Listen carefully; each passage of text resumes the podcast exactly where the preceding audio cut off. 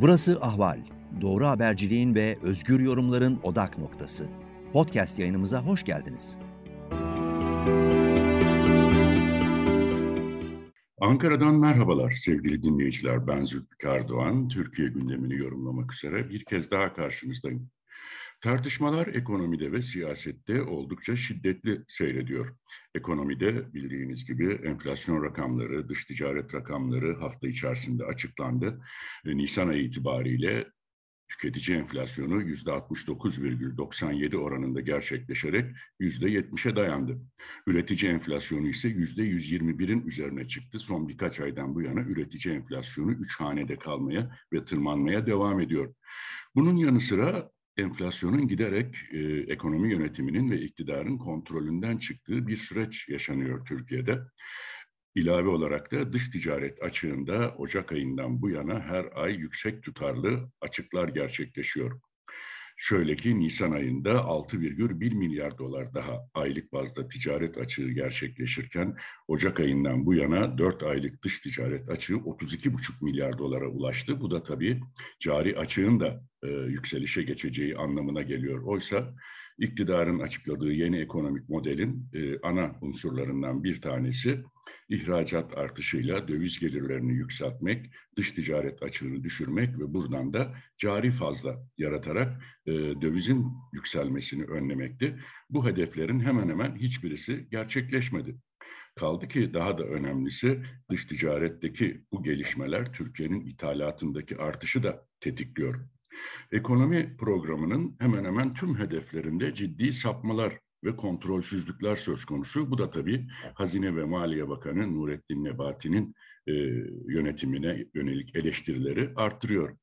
Cumhurbaşkanı Erdoğan da muhtemelen bir dönem önce e, Nebati'nin konuşmasını e, yasaklamıştı. Siyasi kulislere bu yönde bilgiler sızmıştı.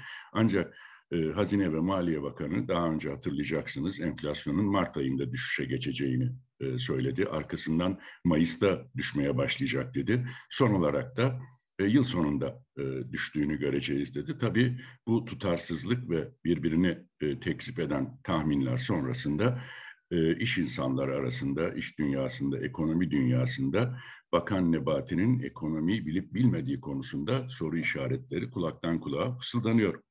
Buna karşılık e, Bakan Nebati son olarak e, özellikle turizm e, konusu Türkiye'nin bu yıl büyük umut beslediği süreçlerden bir tanesiydi. En az e, 40 milyar dolar civarında bir turizm geliri bekleniyordu. Rusya-Ukrayna savaşı bu beklentileri büyük ölçüde boşa çıkarttı. Buna karşılık Hazine ve Maliye Bakanı bu defa da 35 e, milyar dolarlık bir turizm gelirinin bu yıl gerçekleşeceği iddiasını ortaya attı. Öyle ki televizyonlarda yayınlanan e, komedi programlarında Nurettin Nebati ile ilgili skeçler e, hazırlanıyor. Son olarak Güldür Güldür Show isimli ünlü komedi programında böyle bir skeç hazırlandı ve e, fragmanları da yayınlandı. Ancak program e, ekranlara yansıdığında bu skecin bu parodinin programda yer almadığı görüldü. Bu da gerek siyasette gerekse sosyal medyada iktidarın yine siyasi baskı uygulayarak kanal yöneticilerini e, baskı altına alarak bu programa sansür uygulattığı tartışmalarını alevlendirdi. İktidar canından baktığımız zaman ekonomide e, enflasyon, dış ticaret az önce saydığım verileri dikkate aldığımızda kontrol elden kaçıyor gibi görünüyor. Böyle bir süreç hızlanmış durumda. Sığınmacılarla ilgili tartışmaların başlamasıyla birlikte de iktidar çift yönlü bir baskı altında kaldı. Bir taraftan sığınmacılara yönelik tepkilerin artması, diğer taraftan ekonomik sorunların büyümesi iktidar medyasında bile bu sorunlar çözülmediği takdirde seçime kadar e, Cumhurbaşkanı Erdoğan'ın ve AKP'nin oylarında ciddi kayıplara yol açacağı bir an evvel bu iki sorun üzerine odaklanılması gerektiği yönünde uyarı ve yorumlar, eleştiriler yer alıyor. Köşe yazılarında bu konular ön plana çıkıyor. Ama tabii bu siyasetteki e, tartışmaları da bir yandan körüklüyor. Şöyle ki özellikle muhalefetin Cumhurbaşkanı adayının kim olacağı yönünde ortaya atılan iddialar bugüne kadar hep e, tekzip edildi. Ortaya atılan isimler e, doğrulanmadı. E, altı muhalefet liderinin bir araya geldiği altılı masa olarak e, nitelendirilen e, bu toplantılarda da sürekli olarak Cumhurbaşkanlığını ön plana çıktığını görüyoruz. Her seferinde de liderler seçim takvimi netleştikten sonra biz Cumhurbaşkanı adayımızı belirleyeceğiz. O konuda kimse bir beklentiye girmesin diyorlar ama e, işte bu e, vahim siyasi ve ekonomik tabloda altılı muhalefet masasının toplumda şu ana kadar bir umut yaratamadığını gözlüyoruz. Şubat ayında ortak bir deklarasyonla güçlendirilmiş parlamenter sisteme geçiş e, politikasını duyurmuşlardı. O günden bugüne neredeyse hem bu konu gündemden düştü hem de muhalefetin çözümlerinin ne olacağı konusunda beklentiler karşılıksız kaldı. Bu nedenle de e, muhalefette de bir boşluk olduğunu, iktidarın bu sıkıntılı açmazlarını kendi lehine çevirebilecek hamleleri yapamadığını görüyoruz. Bu konudaki kanılar yükselmişken Ramazan bayramı vesilesiyle Cumhurbaşkanı adayları arasında bugüne kadar hep ismi ortaya atılan İstanbul Büyükşehir Belediye Başkanı Ekrem İmamoğlu bir Karadeniz turu düzenledi. Kendisi de Trabzonlu olduğu için memleketine bayramlaşmaya gideceğini belirterek Rize'yi ve Trabzon'u kapsayan bir bayram programı yaptı. Ancak bu programda e, siyasi mesajlar verdi. Altılı Masa'nın neferi olduğunu söyledi. Kendisine sıkça sorulan Cumhurbaşkanı adayı olacak mısınız sorularına daha önce olduğu gibi benim adayım Genel Başkanım Kemal Kılıçdaroğlu'dur karşılığını verdi.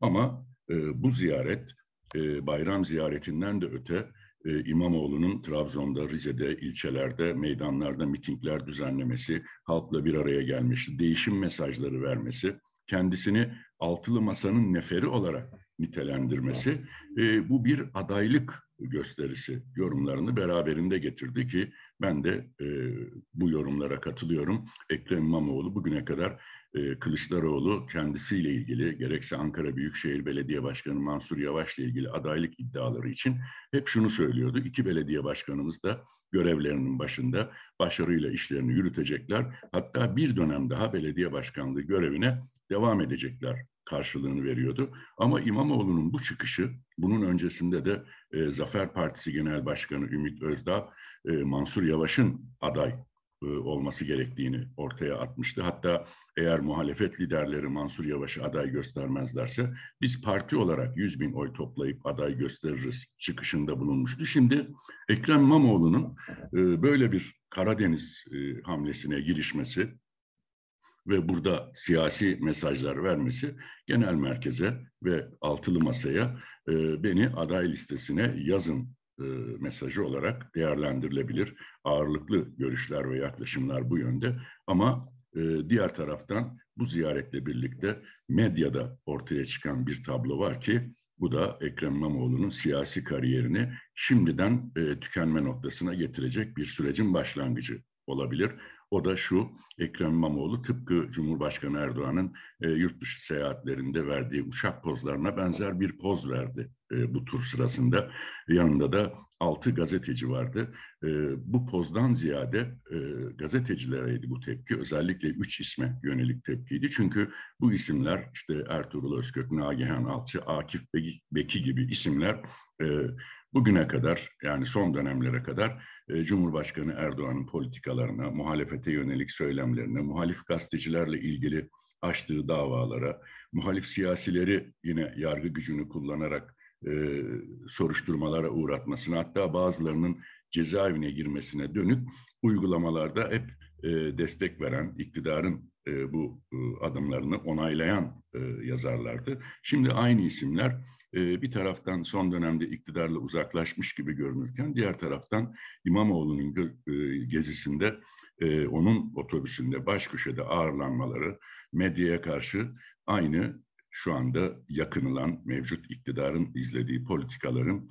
e, iktidar değişse de e, muhalefetin güçlü adayı olarak işte her şey değişecek mesajıyla başkan seçilen iki kez halkın oylarını alan İmamoğlu'nun da e, Erdoğan tarzı bir siyasetçi olduğu tartışmaları e, yoğunlaştı.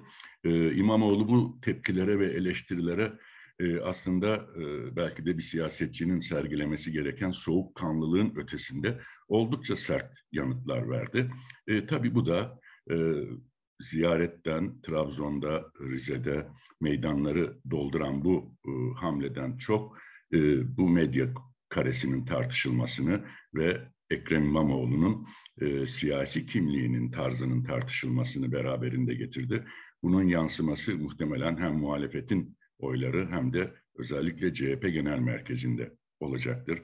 Bu tartışmaların daha da alevlenerek sürmesi şu anda gelinen noktada e, büyük ihtimal olarak görülüyor. E, şunu diyebiliriz, Ekrem İmamoğlu belki e, siyasi beklentileri doğrultusunda bir yandan benim adayım genel başkanım derken diğer taraftan örtülü bir şekilde adaylık çalışmaları yürütmeye e, çalıştı. Ama işte bu iletişim hatası, bu siyasi taktik ve strateji hatası e, özellikle kamuoyunun e, son ana kadar iktidarın yanında gördüğü gazetecileri e, bir anlamda e, muteber isimler gibi yanına alarak fotoğraf karesinde poz vermesi e, adeta bu ziyareti astarı yüzünden pahalı bir hale getirdi Ekrem İmamoğlu'nun siyasi kariyeri için.